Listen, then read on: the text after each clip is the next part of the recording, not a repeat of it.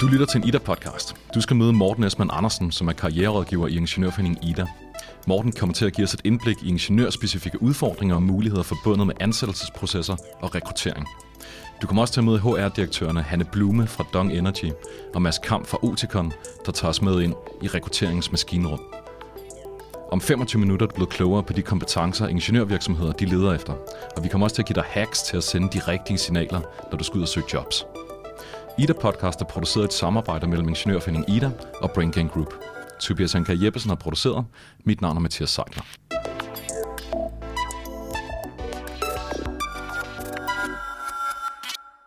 Jeg synes, det er interessant at flytte andre menneskers holdninger til deres eget arbejdsliv. Det er det, som driver mig i, i, i mit arbejde. Jeg taler med en 6, 8, nogle gange 10 medlemmer af IDA på en uge. Øh, alle med forskellige udfordringer. Øh, og det, som er så fascinerende, det er, at det kan lykkes på en time eller halvanden at sende dem ud af ingeniørhuset med en anden opfattelse af deres arbejdsliv, end da de kom. Jeg hedder Morten Esmann. Jeg er karriererådgiver i øh, Ingeniørforeningen IDA. Jeg har arbejdet med karriererådgivning i 12 år, og øh, det som jeg gør, eller det som vi gør her, det er overvejende at hjælpe IDAs medlemmer, det vil sige ingeniører, kanskienter og andre med teknisk naturvidenskabelig baggrund, med at udvikle deres karriere. Ingeniører er frontrunners, når det kommer til at forstå og drive teknologisk udvikling. Det har selvfølgelig store implikationer for det at indgå på et arbejdsmarked som ingeniør, for det kræver, at man kan følge med. Vi, vi ser en, en teknologisk udvikling, som er baseret på, på grundlaget i Mors lov. Og den teknologiske udvikling, den påvirker også arbejdsmarkedet. Det er ikke bare for vores medlemmer, men for alle mulige. Vi taler meget om lige for øjeblikket, at der er folk, der mister deres job, fordi det bliver automatiseret. Her har øh, IDAs medlemmer en stor fordel, fordi det i høj grad er dem, der skaber teknologien, som implementerer teknologien, som udvikler teknologien. Så vi kan se, at de faktisk øh, måske kan få glæde af den udvikling. Men det betyder jo også, at kravet om udvikling, kravet om karriereudvikling, eller skulle man næsten sige ønsket fra den enkelte om karriereudvikling, også er, er eksponentielt nærmest. Ikke? Altså at man ønsker at flytte sig hurtigere og hurtigere. Vi, blandt andet fordi mange af vores medlemmer er bange for at gro fast.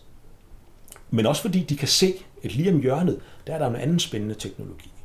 Og mange af dem har jo taget deres uddannelse, fordi de synes, det er fedt med ny teknologi. Så når de er dygtige til noget, og de er glade for det, så opdager de noget, der også er spændende sådan lige i fremtiden, og så er det det, de går efter. På den måde så er der for nogen, der kommer udviklingen lidt af sig selv, og for andre, der skal de så lige tænke over det. Stiller nogle krav til karriereplanlægning. Der var en, der spurgte mig for ikke så længe siden, Morten, kan man planlægge sin karriere? Og jeg, mit svar var nej. Det kan man ikke. Men man skal. Og det jeg mener, det er, at man skal ikke have en karriereplan. Man kan ikke planlægge sin karriere og sige, når man om 10 år, så er jeg sådan og sådan, og om 15 år, så er jeg direktør for det og det. Morten Esmann Andersen mener, at den teknologiske udvikling fordrer, at man med jævne mellemrum bør stoppe op og overveje, hvad det egentlig er, man vil med sit arbejdsliv. Mange mennesker siger, at de ikke er jobsøgende. Men det er vi jo alle sammen, er vi ikke? Når vi får det rigtige tilbud, mener jeg. Og der mener jeg, at man med sin karriereplanlægning, sin karriereudvikling, en gang imellem lige skal overveje, hvad er det egentlig, der skal være opfyldt, for at jeg synes, at mit job er spændende, så jeg har mulighed for at tage imod de, ja, de muligheder, der måtte opstå, selvom jeg ikke selv har efterspurgt dem. Og jo hurtigere teknologien, som vores medlemmer arbejder rigtig meget med, den udvikler sig, ja, jo oftere har man brug for lige at stikke en finger i jorden og mærke efter, er jeg det rigtige sted, og hvor kunne jeg tænke mig at være, ikke om fem år eller ti år, men til næste år, eller om to år. Kunne jeg tænke mig at arbejde med nogle nye teknologier? Er der teknologier, jeg i dag arbejder med, som vil blive udfaset og forældet, inden jeg er klar til det? Så kunne jeg jo skynde mig at flytte mig, inden det sker. Ikke? Ellers så bliver jeg bare vortids typografer. Ja, er det korrekt, at kandidatuddannelser i dag har en, øh, en halveringstid i forhold, til den, i forhold til deres relevans på et år, på to år? Er det ikke i noget i den dur? Det svinger meget. Jeg, jeg tør ikke sætte tal på, men jeg vil gætte på, at en, en, en, en skient i naturvidenskab, øh, molekylær biologi, jeg vil gætte på, at en ingeniør inden for design og innovation, eller måske ja, hvad som helst inden for vores område, bliver forældet hurtigere, end en filosof gør det. Bare for at nævne et eksempel. Altså, teknologien udvikler sig så hurtigt, at det, man har lært på sin uddannelse, også bliver forældet. Om det bliver halveret hvert år eller hvert andet år, det ved jeg ikke, men hurtigt går det i hvert fald. På vores fagområde, det tekniske naturvidenskabelige område for højtuddannede, ikke? der ser vi færre jobs, der er præget af rutiner, færre jobs, der er præget af standardprocedurer, du ved, administration, support, test, egentlig også beregninger, konstruktion og programmering. Fordi der er der algoritmer, som i højere grad kan gøre det. Det er ikke sikkert, at de her arbejdsopgaver fuldstændigt bliver udfaset, men jeg tror, der kommer til at være færre personer til at udføre arbejdet. Og så ser vi til gengæld flere jobs på det der område, som er kendetegnet ved kompleksitet. Ikke? Altså ved, at man man, man blander forskning og udvikling, man ser de her disruptive teknologier, der er meget teknisk projektledelse i det, som vi arbejder med, er rigtig, rigtig meget teknisk projektledelse, fordi alle tingene skal blandes sammen. Jeg så en, øh, for ikke så lang tid siden en, øh, en, øh, en robot, som var designet til at tage tøjet af, af for eksempel ældre eller syge mennesker, hvis de skulle i bad eller på toilettet. Der var 11 forskellige ingeniørretninger indblandet i at lave den der robot. Det kræver en eller anden form for koordination og projektledelse. Ikke? Øhm, vi ser meget mere samarbejde internationalt. Globalisering betyder jo altså også, at vi har kolleger alle mulige steder.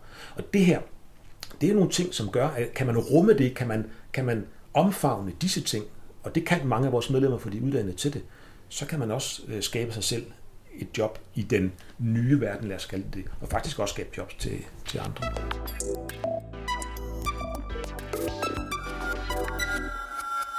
Jeg har også talt med Hanne Blume, som er HR-direktør i Dong Energy. Jeg hedder Hanne Blume, og jeg er HR-direktør i Dong Energy.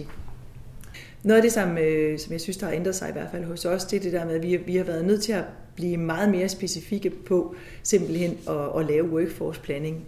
Kig 5-10 år frem og så se på, hvad er det for nogle kompetencer, vi skal have, hvor skal de være, og hvornår skal de være klar. Øh, så det arbejder vi meget mere øh, specifikt med, end vi har gjort tidligere. Og det hænger selvfølgelig sammen med, at, øh, at der er områder, hvor vi ved, at ressourcerne er knappe, og der er også områder, hvor øh, det er mere ubetrådt land, om man så kan sige. Altså, det er inden for de sidste 5-10 år, man er begyndt at bygge så store offshore vindmølleparker, som vi gør nu. Så, så derfor kan man ikke bare hente nogen, eller hente nogen i andre lande, som har gjort det. Vi er faktisk selv nødt til at uddanne nogle af dem. Vi kan også tage nogen fra universiteterne og give dem noget ekstra erfaring osv., men vi er nødt til at planlægge det meget, meget specifikt.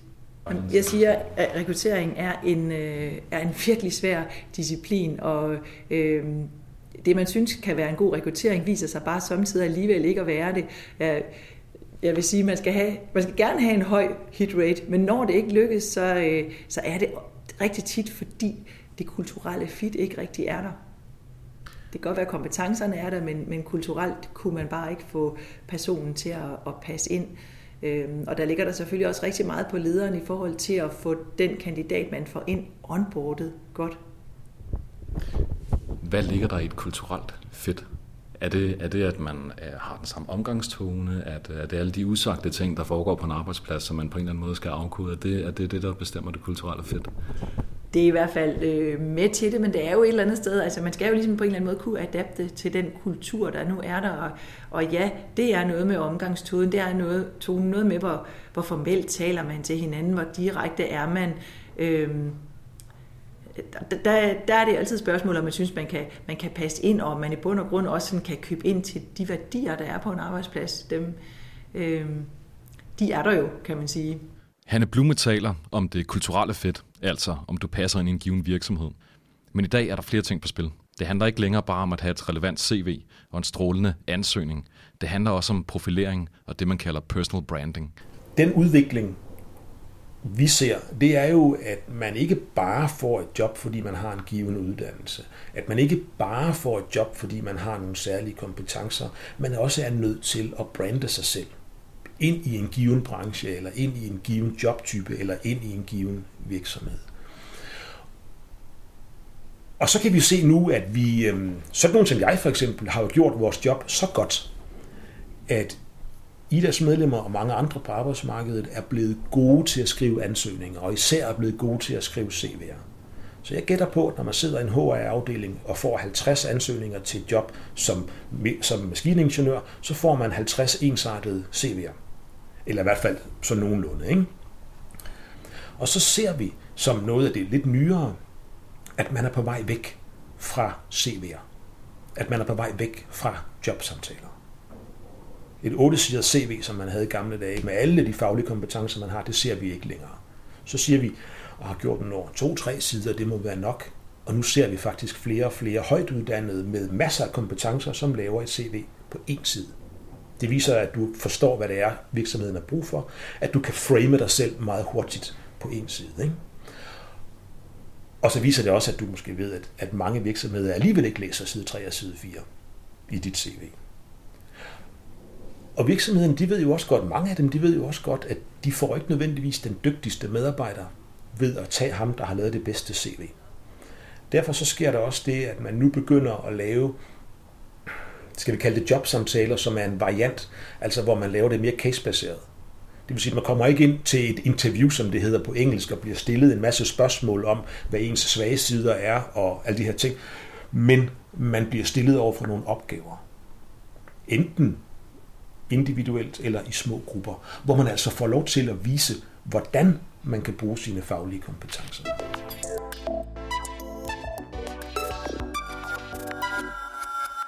Vi skal tilbage til Hanne Blume fra Dong. I modtager 50.000 ansøgninger, ikke? Ja. så at nu antager jeg bare for sjovt, at der er 500 højt kvalificerede og, og super fede mennesker i sådan en her bunke på et års tid. Hvordan er det, man skiller sig ud fra de 499 andre sindssygt dygtige mennesker? Hvad er det, der skal til der? Ja. Og, og det kan være rigtig svært. Jeg vil sige, et rigtig godt råd, det er at være professionel i sin tilgang og have, altså virkelig sørge for at få vist sin øh, faglighed. Når man sender sit, øh, sit CV og en ansøgning, så synes jeg faktisk også, at man skal gøre noget for at tilrette CV'et det job, man nu engang søger. Jeg kigger altid på CV'et først, og øh, hvis, hvis det er interessant, ja, så, så er det måske et CV, der kommer videre. Så, øhm, så, så det, det er den ene ting. Den anden ting, vil jeg sige, det er, det er også vigtigt, hvis man i et eller andet omfang også kan få en lille smule af sig selv med, fordi vi ansætter jo ikke kun folk, der, øh, der har 12-taller for eksempel. Vi ansætter jo også folk, som, som, som vil noget, folk, som har en passion, folk, som har en mening, folk, som har en personlighed, og folk, som kan samarbejde, for det har vi rigtig meget brug for. Så jeg synes, det er vigtigt, hvis man også i sit CV kan give udtryk for, at man rent faktisk har nogle interesser og har noget andet ved siden af sit, øh, eksamensbevis. For at blive klog på ansættelsesprocessen, der går fra 0 til et landejob, ringede jeg til Mads Kamp, som er HR-direktør i Oticon. Oticon er førende inden for høreapparat-teknologi. Ja, altså det første, det første, der sker, det er jo typisk, at man som ansøger øh, bliver gjort opmærksom på et job. Typisk så vil det være, at man ser det på et, et website, øh, i et elektronisk medie af en eller anden art. Øh, den første ting, det kunne være, at man vælger at ringe til virksomheden og sige, øh, og stille nogle spørgsmål. Ikke? Øh, der, der er det vigtigt, at man har gjort sig klar, hvad er det, man gerne vil vide noget om, og ikke ringer op for at få en slud.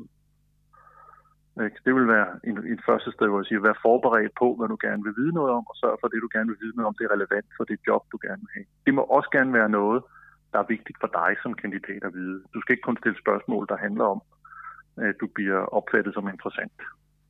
Så det er ikke det, vi snakker om, men sørg for, at det er relevant for det job og den virksomhed, vi taler om sørg for at kende lidt til virksomheden, inden at, øh, at du øh, ringer til den, øh, for eksempel. Det næste det er, at man skriver en eller anden form for ansøgning eller tilkendegivelse af, at jeg er interesseret i, i det her. Øh, og der skal man selvfølgelig sørge for, at de ting, øh, man skriver i sin ansøgning, at det har relation til jobbet. Igen, en ting, som vi typisk kunne mangle i en ansøgning, det er, hvorfor er jeg interesseret i det her job? Hvorfor er jeg interesseret i den her virksomhed? Og hvis man vil give sig selv en et forspring i forhold til de andre ansøgere, eller i hvert fald ikke komme bagefter, så skal man sørge for at forklare, at jeg er interesseret i jeres virksomhed, fordi, og jeg er interesseret i det her job i jeres virksomhed, fordi. Øh, så har man dækket nogle, nogle af de vigtige områder. Så er det klart, så skal der jo være et match på kompetencesiden, og man skal have lavet nogle ting, der er relevant og interessant for virksomheden og det job, man skal have dækket. Det næste skridt, det er jo så typisk være, at man kommer til et interview. Øh, og øh, når man siger signaler der, så siger man, jamen altså et, et, et vældig godt signal, det er at komme til tiden. jamen, det er helt, det er helt banalt. det er det altså. Øh, og hvad enten man ved eller ej, så hvis man, hvis, man, øh, hvis man kommer for sent, så er det ikke nogen god start. Og det kan sagtens være, at man kan komme over det. Øh, Det vil slet ikke afvise, og vi vil heller ikke øh, smide en dygtig kandidat ud, fordi de kommer for sent. Ikke? Vi, ligesom vi heller ikke afviser ansøgninger, fordi der er stavefejl. Øh, det er jobmarkedet heller ikke til. Men hvis igen tager spørgsmålet hele tiden, hvordan giver du dig selv et, et lidt større forspring i forhold til de andre kandidater? Jamen det er, når vi snakker om interviewet, at man kommer til tiden. Øh, sørg for at være forberedt til interviewet, det vil sige, øh, han tænker lidt over, hvad er det, du gerne vil fortælle om dig selv, hvis du får muligheden for det. Øh, hvad er det, du gerne vil spørge om, hvis du får muligheden for det.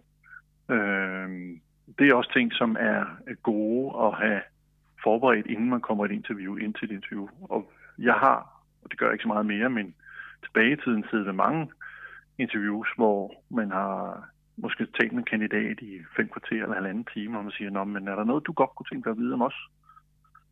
kandidaten sidder og siger, ja, yeah, jeg synes, I har, I har fortalt mig alt det, som jeg godt kunne tænke mig at vide.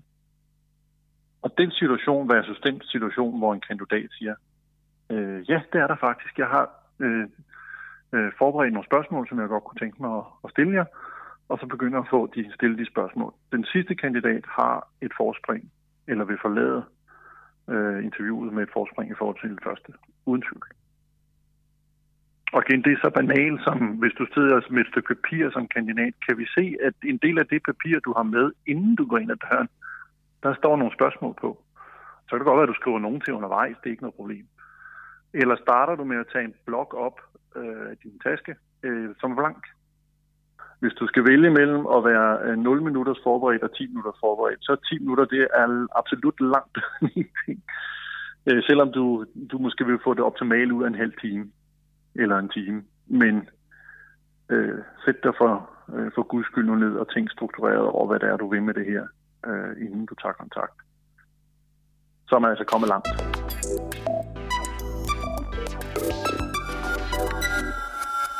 Så i det er, at der er en match på kompetencesiden, men ifølge Mads Kamp er der nogle simple ting, vi skal være opmærksom på, men som der er rigtig mange, der glemmer.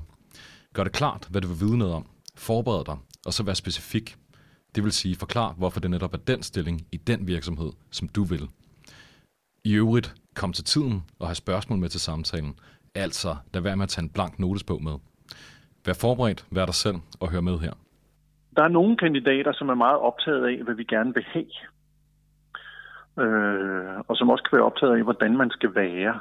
Øh, og det er jo, hvad skal man sige, øh, på godt og ondt, så er det jo noget af det, vi prøver at og, øh, og få, øh, få afdækket. Vi, vi er mere interesserede i, hvordan folk er. Øh, vi vil hellere have en god kandidat, der kommer ind ad døren, og så finder vi ud af, vi passer sgu ikke sammen. Og så kan kandidaten gå derfra og være glad for, at jeg ikke kom til at arbejde et sted, hvor jeg ikke passede, og vi kan være glade for, at vi ikke ansætter en, der ikke passede, i stedet for, at vi skal bruge øh, mange kræfter på at finde ud af, at du sidder og prøver at opføre dig på en måde, eller give udtryk for, noget, du ikke er. Og det er selvfølgelig en balance i forhold til det her med, at man jo også markedsfører sig selv, øh, ligesom de markedsfører os. Øh, men der er altid et tidspunkt i, øh, i de her interviews, hvor, øh, hvor, øh, hvor vi går efter at sige, med, altså, har vi set den virkelige øh, Peter eller Susanne, eller øh, får vi indtryk af, at, øh, at der bliver spillet skuespil, siger det firkantet, ikke? Mm. Og det er ikke til glæde for nogen af parterne det sidste. Og det er, selvfølgelig, øh, det er selvfølgelig også en udfordring, for man går ind til sådan et interview med sommerfugl i maven, øh, formentlig. Man vil gerne have jobbet. Øh, man vil gerne gøre det godt. Man vil gerne have spillet øh, processen over et sted, hvor man som kandidat selv har valget, om man vil eller ej. Ja. Så det at være forberedt jeg... og være der selv, og det, er, det, er, altså det, ja, ja, det lyder utroligt banalt, men men det er det, der giver de gode interviews, også i de situationer, hvor man ikke får jobbet. Men når du ønsker at udvikle dig, så skal du også huske at kommunikere, hvem du gerne vil være. Morten Esben Andersen fra Ida tager over. Du fortælle lidt om, hvad der virker i forhold til sit personlige brand, og hvad folk gør derude, hvis de skal gå ind og optimere på det. Ja. Jeg vil egentlig sige det sådan i en sætning. Øh, det handler om at vise, hvem du gerne vil være, mere end om, hvem du er. Altså, når du, øhm, når du afleverer et CV til nogen, så beskriver det jo historisk, hvad du har lavet. Det stiller krav til andre, det kunne være en arbejdsgiver, om at forstå og tolke det, du har lavet, og tænke, nå ja, men så kan han jo lave det samme for os. Det ville jo være fint, hvis du søger et job, der ligner det, du har haft eller har nu. Men flere og flere af vores medlemmer vil gerne udvikle sig, så de søger et job med udvikling. De søger et job, der måske delvist indeholder, hvad de har prøvet før, men helst også noget, de ikke har prøvet før, men som de er kvalificeret til. Og der skal man jo ikke brande sig med alene, hvad man har lavet, men også, hvad man kan gøre. Så man skal prøve at tegne et billede af, hvem man er, når man starter i det nye job. Ikke? Vi ser også, at arbejdsmarkedet, altså jobbene, teknologien udvikler sig så hurtigt, at hvis du, hvis du er dygtig til noget i dag, så kan du være sikker på, at det ikke er efterspurgt i morgen. Og derfor skal du hele tiden, når du søger job med dit CV, vise, hvordan det, der står i CV'et, kan bruges i en ny kontekst, i en ny teknologi. Der er mange, der søger job, altså i deres medlemmer via de klassiske metoder, men der er et stigende antal, som søger og får job via mere uformelle metoder. Det vi så ser, det er, at øh, når vi spørger, hvornår de enkelte begyndte at opfatte sig som jobsøgende, og hvor lang tid der så gik derfra og til de fik det job, de har fået, så siger rundt regnet en tredjedel, at de var ikke jobsøgende. Det vil sige, at perioden fra de opfattede sig som jobsøgende til de fik jobbet nærmest 0 dage. Ikke? Altså de bliver headhunted. Eller på anden måde bliver de gjort opmærksom på et job, som de ikke tænkte, at de gerne ville have, at de ikke ville videre til, men det er så attraktivt, at de rykker alligevel. Så IAS medlemmer er jo, er, jo, er jo voldsomt efterspurgte på arbejdsmarkedet, hvilket også viser sig med en meget, meget lav ledighed. Og derfor er der mange af dem, som rykker rundt mellem virksomheder inden for deres branche. De bliver simpelthen rekrutteret, uden at der er jobopslag og sådan noget. Så hvordan skaber man de bedste forudsætninger for at kunne navigere i og tilpasse sig et dynamisk arbejdsmarked? Mit råd det er, at man med jævne mellemrum, måske en gang hvert andet år, måske hvert år, selvom man er tilfreds og glad med sit arbejde, man lige trækker sig tilbage et øjeblik og tænker over, hvad er det, der er godt ved det job, jeg har lige nu? Hvorfor er det godt? Og hvad skal der til for, at det bliver ved med at være godt? Og hvis man kan se, at det ikke er godt nok, at man så tager sig tid til at overveje, hvad der skal til for, at det bliver bedre. Forandring for forandringens skyld er jo ikke interessant. Så når nu vi hører om disruptive tendenser og det, øh, sådan det, det hurtige arbejdsmarked og korte ansættelser og skynd, der forandrer dig, så kan man godt sige, at det bliver muligvis vilkårene, men vi får ikke nogen lykkelig forandring, forandring hvis ikke vi tænker os om. Tak til Morten Esman Andersen, Hanne Blume og Mads Kamp. Vi håber, at du kommet i omdrejningshøjde med moderne rekrutteringspraksis. Det har handlet om karriere, ansættelsesprocesser og et arbejdsmarked i hastig forandring. I de show notes, der følger med podcasten, finder du links til mange af de emner, vi har taget op. Her finder du også et link til Ingeniørforeningens 2020-rapport om jobfunktioner og kompetencekrav, samt masser af andre relevante redskaber til din jobsøgning. Ida-podcast er skabt i et samarbejde mellem Ingeniørforeningen Ida og BrainGang Group. Tobias Anker Jeppesen har produceret, og mit navn er Mathias Seidler.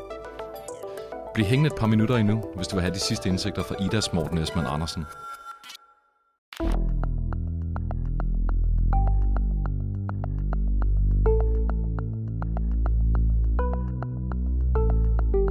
Når man spørger øh, de nyuddannede medlemmer af IDA, om de ville foretrække en karriere som specialister eller generalister, så siger de, at de vil være generalister. De er jo skrækslagende for at specialisere sig. Ikke? De er jo skrækslagende for at bore sig ned i et hjørne, mange af dem er i hvert fald, og bore sig ind i et hjørne, hvor de ikke kan komme væk igen. Altså de bliver enormt dygtige til en eller få teknologier, som så måske ikke længere er brugbare om nogle år, altså i løbet af deres karriere. Så de vil gerne være generalister. Spørger vi arbejdsgiverne, hvad de foretrækker, når vi ser på de ser de nyuddannede, generalister eller specialister, ja, så vil de have specialister. De vil have dygtige folk. De vil jo ikke have nogen, der bare sådan svæver over vandene. Så der har vi sådan lidt en, en, en udfordring, som i virkeligheden handler meget om, at man skal kunne tilpasse sig. Der er nogle ting, vi ser hvert år. Ikke? Øh, og som jo også er helt grundlæggende for vores rådgivning. Så helt grundlæggende ved vi fra Ballesærs rapport, at sted mellem 70 og 75 procent af alle arbejdsgivere vægter CV'et mere end ansøgningen. Så konklusionen er jo bare den helt enkle, at hvis man skal vælge, hvad man bruger mest tid på, så er det et CV. Og så alligevel ikke helt vel, fordi ansøgningen er det, der er med til at kvalificere det, der står i CV'et. men, men analysen viser blandt andet, og det er også min erfaring, at vi, man, man får ikke, der er ikke... Øh, arbejdsgiverne læser ikke ansøgningen, og måske slet ikke, måske ikke særlig grundigt, hvis ikke CV'et er attraktivt nok. De starter